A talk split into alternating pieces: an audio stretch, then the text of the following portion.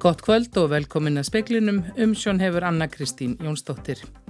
Staðan í umhverfismálum hér á land er sótsvört og aðgerðir stjórnvalda eru grænþvottur sem fær fallengun, segir formaði samtaka lækna gegn umhverfisvá, líðheilsu sé ógnað.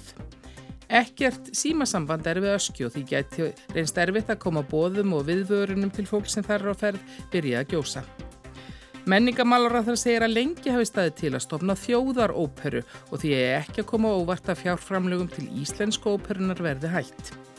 Ópjóíða faraldur verðist aftur í vext í bandaríkjönum. Í speklinum verður rætt við badnabráðalekni í bandaríkjönum sem segir að fentaníl greinist þar hjá börnum. Það séu jafnvel dæmi að ungbönnum hafi verið gefnir ópjóíðar í mjölk. Hjalti Már Björnsson, formaður samtaka lækna gegn umhverfsvá, segir að aðgerðir stjórnvalda séu grænþvottur og fáið fallengun. Nú þurfum við að grípa til rótækra aðgerða. Daðan í umhverfismálum í dag er bara eiginlega alveg sót svart og að mati allþjóða helbreyðismálastofnuna saminuðu þjóðana er hamfara hlínun jarðara mannavöldum og mengun núna helsta ógnin við heilsu mannkynsins og við læknar eigum ekki bara að setja helbriðiskerfinu að taka við afleiðingum af því heldur við viljum eins og áður í gegnum söguna reyna að berjast fyrir heilbriði þjóðarinnar með forvörnum þannig að við getum lifað all heilbriði lífi hér á jörðinni. Hvað sér þið fyrir því að þið geti gert? Við þurfum fyrst og fremst að reyna að íta eftir vitundavakningu um þessi mál því að við höfum staðið okkur alveg hörmulega í umhverfismálum En hvað finnst ykkur um þær aðgerðið sem að ríkistjórnun er þó að standi? Já, að mati félagslækna gegn umhverfisvá fá aðgerðir íslenska stjórnvalda umhverfismálum bara einfaldalega fallengun. Þetta er bara öngunaverður grænþvottur. Hvað er þér á það ykkar mati?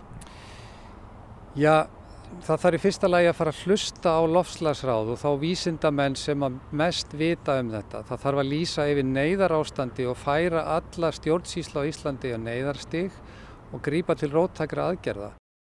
Saði Hjaltemár Björnsson við Jóhannu Vigdísi Hjaltadóttur. Ekki hefur orði vart við breytingar í eða við ösku í dag. Vísindamenn frá Veðurstofu Íslands er á leiðfangað, verða vantanlega komnir á morgun og verða við mælingar næstu daga.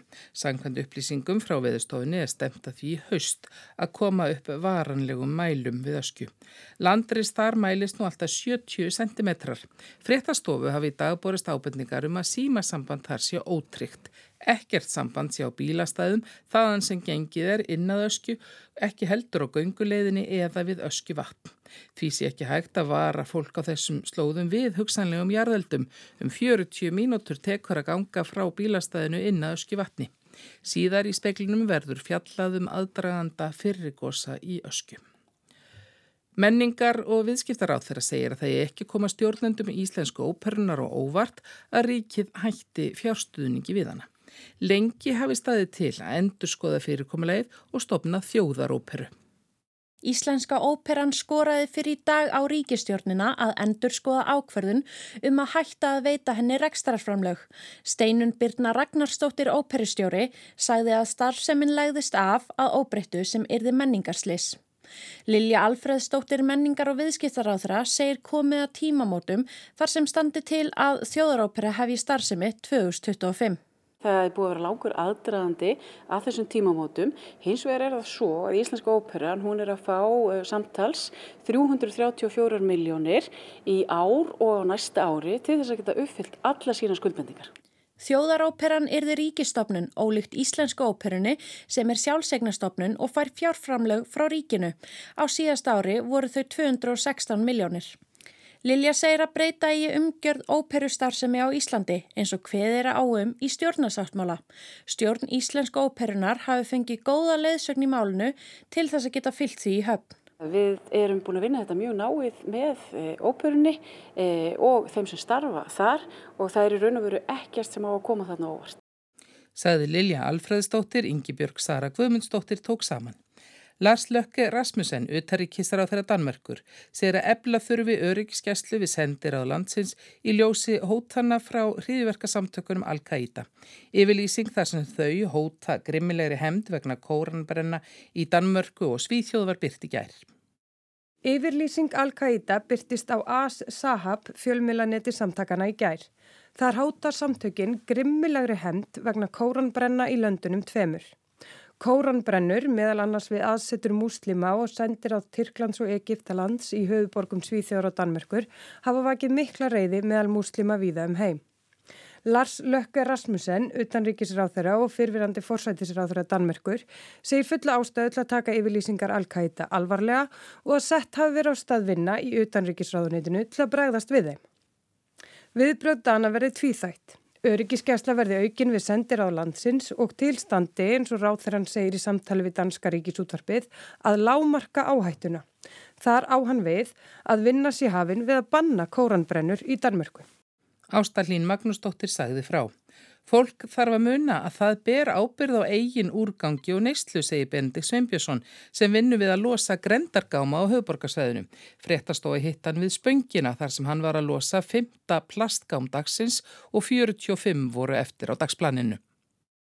Það er mikið stressa að ná öllum gámanum, gera þetta alltaf á réttum tíma og svo náttúrulega er mikið kvartað ef fólk kemur á fullum gámum. Þú ert alveg svona á klukkunni að reyna að tæma sem flesta gáma á hverjum degi.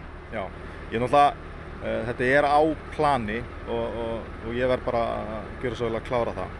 Hvernig finnst þér, þegar nú hefur við mikið verið rætt um sorpirumálinn, hvernig finnst þér umgengnin í kringum gámanna svona alla jafna? Umgengnin er náttúrulega mjög léleg. Það sem mér finnst gleymast í þessar umræði sem búið að vera undarfarið er, sko, við berum ábyrð á okkar úrgangi. Við hljótum að bera ábyrð á því sem við kaupum, við, því sem við þurfum að henda.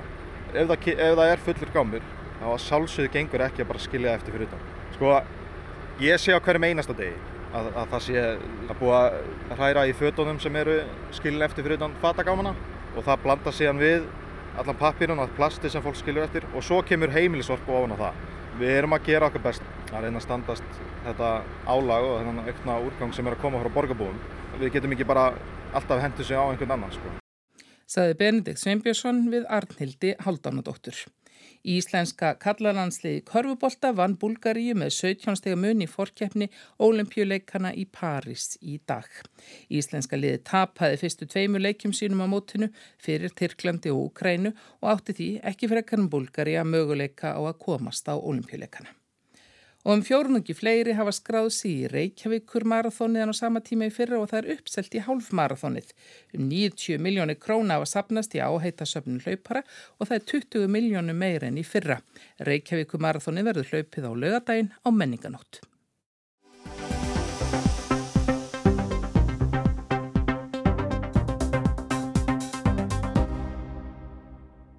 Bergþór Steinn Jónsson, bráðaleknir á Children's Minnesota í Minneapolis í Bandaríkjunum, hefur margóft sint fólki sem hefur tekið skadvanlega blöndu af fentaníli og hesta deyfilifinu sælasíni. Þetta er blanda sem kalli hefur verið trank á ensku eða zombidóp því þeir sem neytaðs verða eins og uppvakningar. Blandan er ólögleg og ekki búin til undir neinu eftirliti. Þeir sem í hana sækja eru helst þeir sem eru háðir ópjóiðum. Og þá helst það er fólk sem er ekki að fá þessi ópjöld skrifuð út frá lækni heldur er að nota ópjöld sem eru þá ólögulega keift á göttunni og er eitthvað sem er flutt inn uh, og aldrei neinn neitt livsegl fyrir eða útskrift frá lækni. Og er þetta mikið ungt fólk uh, hefur verið meira meiri döðsfall hjá karlmönum heldur en uh, konum en hefur verið í yngra fólki hefur, og úrlingum hefur jáfnveil verið meira vandamál hjá stúlkum heldur en drengjum. En þetta er þá fólk sem er að fá þessi efni og veit jáfnveil ekki hvort að þetta sé blandað í fentanýlið eða ekki Vessandi, svört og illaþefjandi sár eru algeng hjá þeim sem spröytar sig með trank. Sárin gróa seint og jafnvel hefur þurft að aflima fólk. Oftar en ekki nota fíklarnir óhreinar nálar og búnað og hætt er við skíkingum á stungustöðum. Sárin geta líka komið annar staðar. Sælosænlefið hefur líka áhrif á blóðflæði. Það getur lækkaðu blóðþristingin og með fentanílinu bælir það öndun og mingar súrefnismettun í blóðinu, segir Bergþór. Þannig að þá verður minna blóðflæði til húðarinnar og þannig verða síkingarnar alvarlegri og, og geta komið meira svona drep í húðina og sárin gróa síður. Og það allavega skilst mér að sé svona þetta, þetta samblanda þessu áhrifum á surfnismettun og blóðflæði og svo þetta fólki er útsett fyrir síkingum vegna þess að vera spröyta sig með þessum lifjum og oft með óhreinum búnaði. Nú vinnur þú á spítala með börnum. Hefur orðið var við að börn neyti fentanils? Já, við verðum stundu vörð við það. Þetta er dálítið erfitt í fentanil sérst oftast ekki á þessum hefðbundnu þvagprófum sem við gerum fyrir, til að leita fíknefnum í þvægi. Það er oftast við það ekki en við getum séð svona klínísk merkið þess að þetta geti verið að valda ástandinu á börnunum og þá gerðan prófum við uh, naloxón sem að snýr við áhrifunum. Og ef maður sér mikil áhrif af naloxónu þá er maður með staðfest að um einhvers konar ópíðata eitrun hafi verið að ræða. Og oft erfitt að vita hvort það var fentaníl eða komst barnið í verkjalifin sem amma er að taka át að því að hún er með slítgikt eða eitthvað slíkt. Man veit oft ekki hvort það er fentaníl eða eitthvað annað. En stundum er sendt svo í nánari rannsóknir en þá eh, sem ég starfa á bráðamótkunna þá fá við niðurstöðunar yfirleitt ekki meðan börnin eru þar. En við sjáum þetta því miður of oft í börnum og alveg niður í bara unga börn og maður veit oft ekki alveg hvernig þau hafa komist í sem eru það unga, maður getur ekki ímyndað sér að þau hafa einhvern veginn sjálf komist í lifin Uh, mögulega er fólk jafnvel að gefa, setja þetta út í mjölk eða eitthvað slíkt til þess að, að róa börnin eða, eða svo leiðis. Þannig að þetta er eitthvað sem við sjáum því miður of oft og er okkur svona ofarlega í huga þegar við fáum börn með óutskýrða meðvitundaskerðingu eða einhverja skrítna hegðun eða jafnvel krampa eða slíkt að þá er þetta eitthvað sem við svona höfum í huga og sjáum annars lægi því með allt og oft. Ég átti ekki vonaði þegar ég fór úr fullóninsbráðalækningum yfir í barnabráðalækningar fyrir árið síðan átti ég ekki vona að sjá mikið af þessum tilfellum en, en við erum að sjá meira af þessu. Og svo þetta sinnum við úrlingum líka á barnabráðamötukunum, sinnum fólki raun og alveg upp í svona 21 árs. Og það er búið að vera mikið svona umbóta starfi í gangi núna að reyna að sinna þessum hópi betur þó úrlinga sem eru jafnvel komnir í, í, í, sko, í reglulega nótkunn á ópíutum að þetta er sem sagt annars vegar sáhópur og svo hins vegar kannski lítil börn sem óvart komast í eitt stakkanskam og núna erum við fara að, að sinna betur jafnvel svona frákværsmeðferð og fara að nota þetta lif sem heitir uh, bjúprenorfin eða á Íslandi kallað Suboxone held ég og er svona meðferð við, svona viðhaldsmeðferð við ópíðafíkt sem að kemur í drefa mikið úr líkonum á dauða í ofsköndun og það er eitthvað sem við erum að byrja núna að nota á barnaspítalanum og barnalæknar eru að læra að nota þannig að það er að verða tölva breyting á þessu á, á síðustu árum. Naloxen sem er gefið gegn ópjóíða ofskömmtun virkar ekki á sælosín, segi Bergþór, en af því að það snýr áhrifum fentanilsvið getur það döga til að bjarga lífi fólks. Að það sem er helst að dreyfa fólk til döða er þessi önduna bælinga, þau bara reynilega hætta að anda eða anda of grundi og hægt til þess að fá nægilega mikið súröfni og naloxóni getur algjörlega valdi því að, að þau fara að anda nægilega aftur og bjarga þannig lífið þeirra. En hins vegar virkar ekki eins vel þegar erum að ræða þessa blöndu eins og, eins og ef bara erum að ræða fentaníl.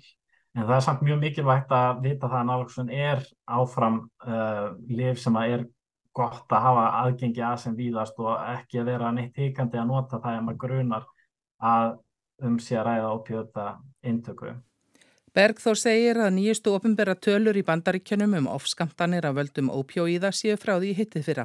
Það er bendi til þess að döðsföllum hafi fjölgað um 14% og þá oftast vegna fentanils eftir að hafa staði í staðum nokkra hríð. Hjá börnum og unglingum hafi þróunin verið í rétt átt fram til 2019 og þeim fækkað sem notuðu ópjóíða til að komast í vímu en nú sirti aftur í álinn. Hann bendir á að notkun sælosín sem vímugjafa sé ekki alveg ný. Fyrsta döðsfallinu vegna ofskamts af þessu völdum hafi verið líst 1979 en eftir aldamót og síðustu tíu árun sérstaklega hafi verið mun meira um það. En eins og ég segja oft veit maður ekki hvað maður er að fást við nákvæmlega og þarf meira bara svona að bræðast við stöðunni eins og hún er á þeim tíma og þetta er svona stuðningsmeðferð sem við veitum að stuðja við blóðþrýstingin og, og hjarslætti það getur valdið því að það hægist mikið á hjarslætti og blóðþrýstingunum lækkar og maður þá bara bregðast við því án þess nákvæmlega aftur að vita að maður sé að meðhandla þetta ákveðna lif. Trank er ólöglegt en það er vel þekkt að fólk verði háð verkjastillandi livjum sem læknar skrifa upp á fyrir það. Bergþór telur að gott væri að geta látið fólk fá færri pillur eða minni skamta. Það er þannig að það er mikilvægt að geta nota þessi liv þegar fólk til dæmis lendir í slísum, uh, þarf að takast á við beinbrót og svoleiðis og það var mjög gott að geta gripið í þessi liv þar sem fólk er oft með mjög slæma verki. En oftast eru verkinni bara slæmir fyrstu klukkutímana og eftir eða fyrstu 1-2 dagana. Og þarf ekki á þessum livjum að halda lang, eh, dögum saman. Og hérna út er það þannig að ég get í raun og veru skrifað upp á bara eitt skamt eða tvo eða þrjá af þessum livjum en á Íslandi þá er maður bundin að því að skrifa át heilar pakningar sem oft innihalda kannski 30 töflur eða þá fyrir börna þá er þetta svona flöskur með vökva þurft að skrifa át heila flösku vökva Við höfum kannaða hérna hjá okkur á, á Children's Minnesota þá hefur verið kannaða börn sem koma inn eftir handlegsbrot. Þau eru að meðaltali að nota 1,7 skamta af oxycodon til útskrift af spítalanum og við vorum að senda þá oft yfir 10 skamta en höfum dreyið mjög mikið úr því og erum núna að senda kannski 3-4 skamta og sem að dugar þá lang, lang flestum.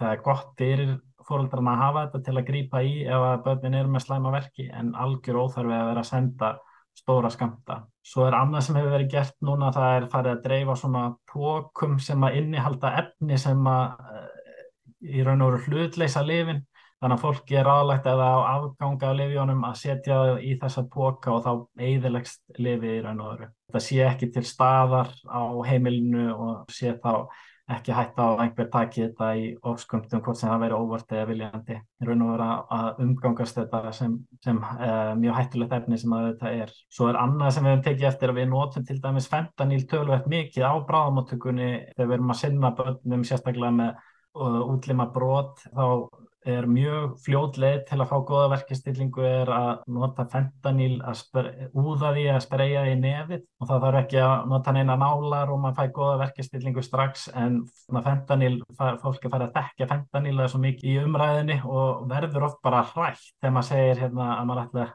gefa barninu þeirra fentaníl en það var mikilvægt átt að segja því að ef það er framleitt í viðkendri verksmiðju og ávísa af lækni og gefið af hjúgrunafræðingi í nákvæmum sköndum að þá er þetta mjög gott lið sem er alveg frábær verkun af oft en mjög hættulegt lið þegar verið er að nota það utan heilbreyðiskerfisins og til langs tíma. Sæði Bergþór Steinn Jónsson, Dagní Hulda Erlendsdóttir talaði við hann.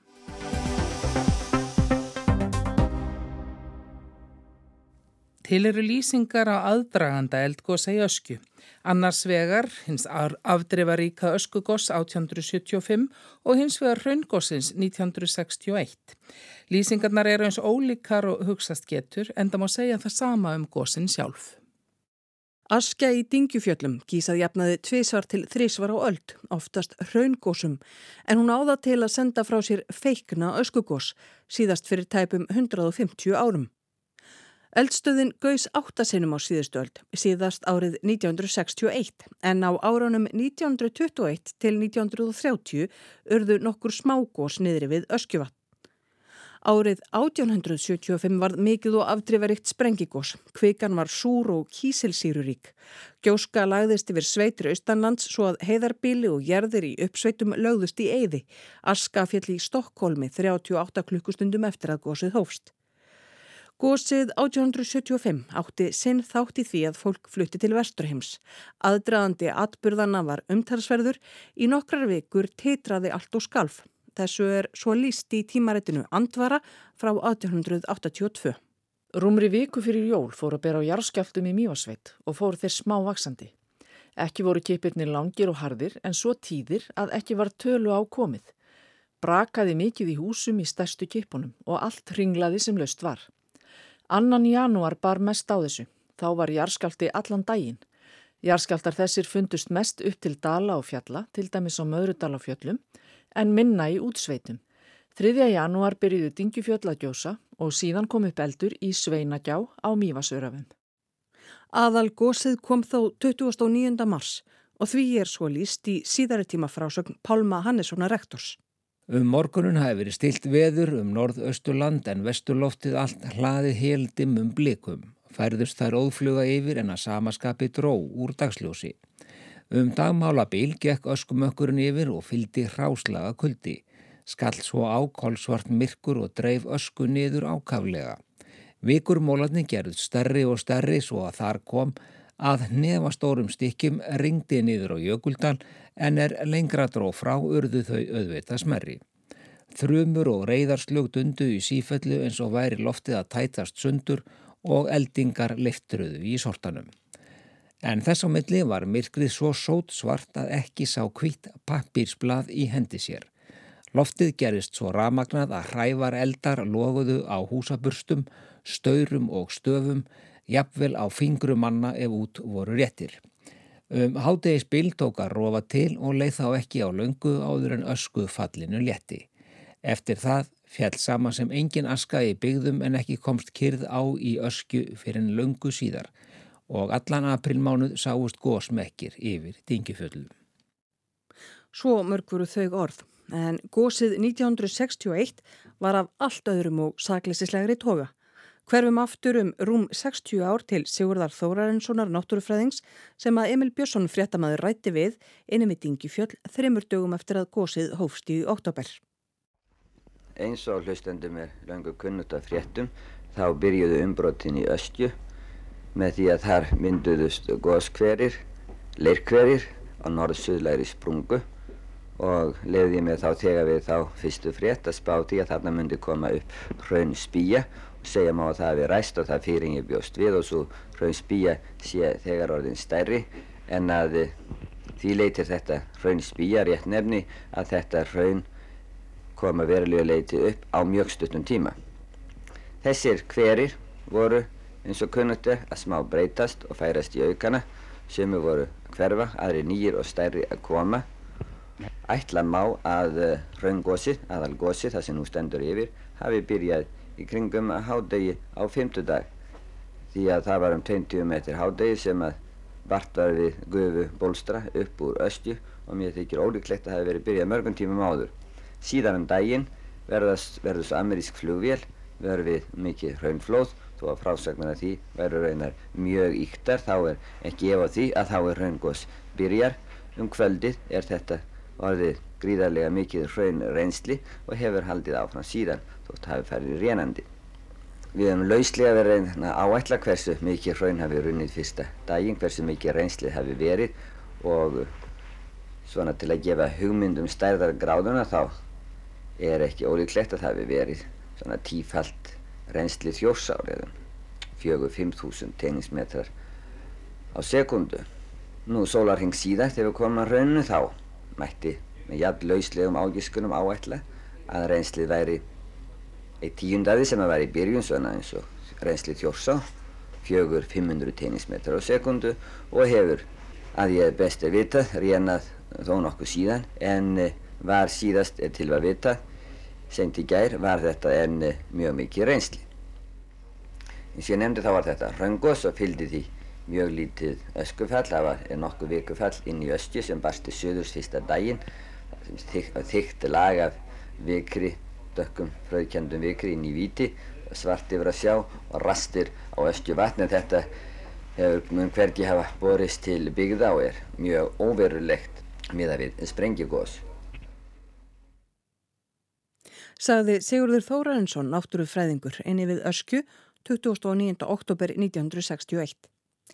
Gígarnir sem gaus úr í hraungúsinu fyrir 60 árum kallast Vikraborgir. Við þær eru nú bílastæði þaðan sem öskjufarar ganga til að komast að öskjuvatni og viti. Hraunið úr Vikraborgum, Vikra hraun, ranniður fjallið gegnum svo kallað öskjuop og staðnæmdist austan við Drekagil. Þar skamt frá voru síðan reistir skálar ferðarfélags Akureyrar. Ragnhildur Torlasíu saði frá og lesarar voru Anna Sigriður Þráinsdóttir og Benedikt Sigursson.